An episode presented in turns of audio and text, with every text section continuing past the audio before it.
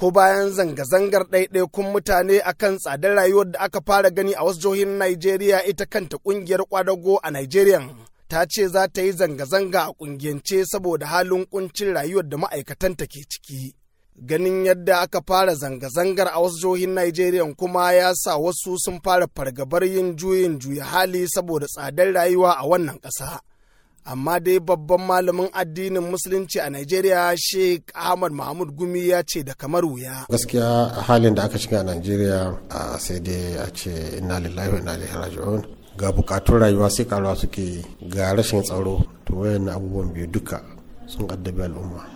Ga tsoro ga yunwa. Ya kake ganin yadda gwamnati take tunkarar wannan matsala ta tsadar rayuwa an zo da tsare-tsare a ɓangaren harkar dala da maganar abinci an ce a kai tallafi an ba gwamnoni biliyoyin kuɗi da sauransu wannan tsarin zai iya rage wannan raɗaɗin rayuwa. wannan tsarin duka ba zai yi ba maimakon a ce a ba gwamnoni kuɗi ko wani abu a tara kuɗin a rage tsadan mai mana domin an rage tsadan mai komai zai shafa. Akwai masu fargaba alaga malam na cewa an kai talaka bango ana tsoro kada ko bore kamar yadda aka gani a wasu ƙasashe. Kana jin akwai yiwuwar za a iya samun matsala? A ba za a samu bore ba sai dai abin da za a samu nan taɓarɓarewar tsaro. Masani kan tattalin arziki kuma malami a kwalejin kimiyya da fasaha ta ƙasa da ke jihar Kaduna Dr. Ismail Muhammad Ancahu.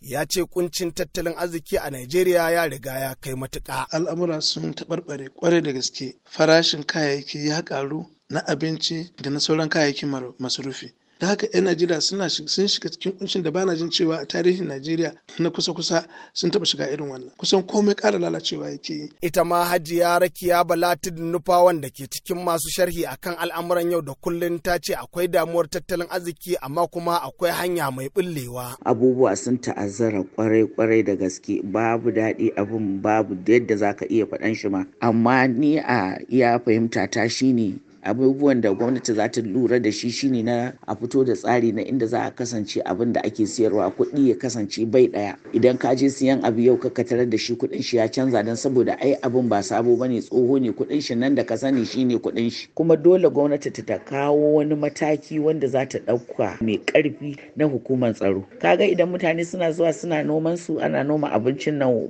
face-face inda kowa ya kamata ya ce hankalin shi a kwance to wallahi komai zai je daidai. To ko ta ina masana tattalin arziki irin su Dr. Ismail Muhammad Ancau ke ganin Najeriya za ta fice daga wannan hauhawar farashi da tsadar rayuwa? Na farko tun da cire tallafin nan na man fetur bai taimaka ma tattalin arzikin ba, bai taimaka ma rayuwar jama'a ba, dan me ba za a dawo da shi ba. Na uku shine ita ma lairan nan ba za a yarda da cewa wai lalle kasuwa ta samu daraja ta kasuwa ba, saboda mun ga kenan ba ta da wani daraja. Ta zo kusan dubu biyu yanzu. Sannan na uku ai ƙoƙari ai maganin tsaron nan ta yadda za a ci gaba da noma a sauran wurare a samu ya wadata dan ya samu sauƙi. Sannan na uku cin hanci da rasha wannan da ake wannan satin kuɗin da ake na fitan hankali a daina shi. Sauran ƙasashen da suka ci gaba za ka je ka haka ba. Ya zuwa yanzu dai zanga-zangar da aka fara a wasu jihohi ta sa wasu gwamnoni da sauran masu mukamai sun fara tallafawa talakawa.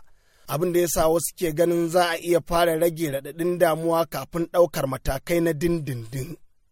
Isa lawal ikara muryar amurka daga kaduna.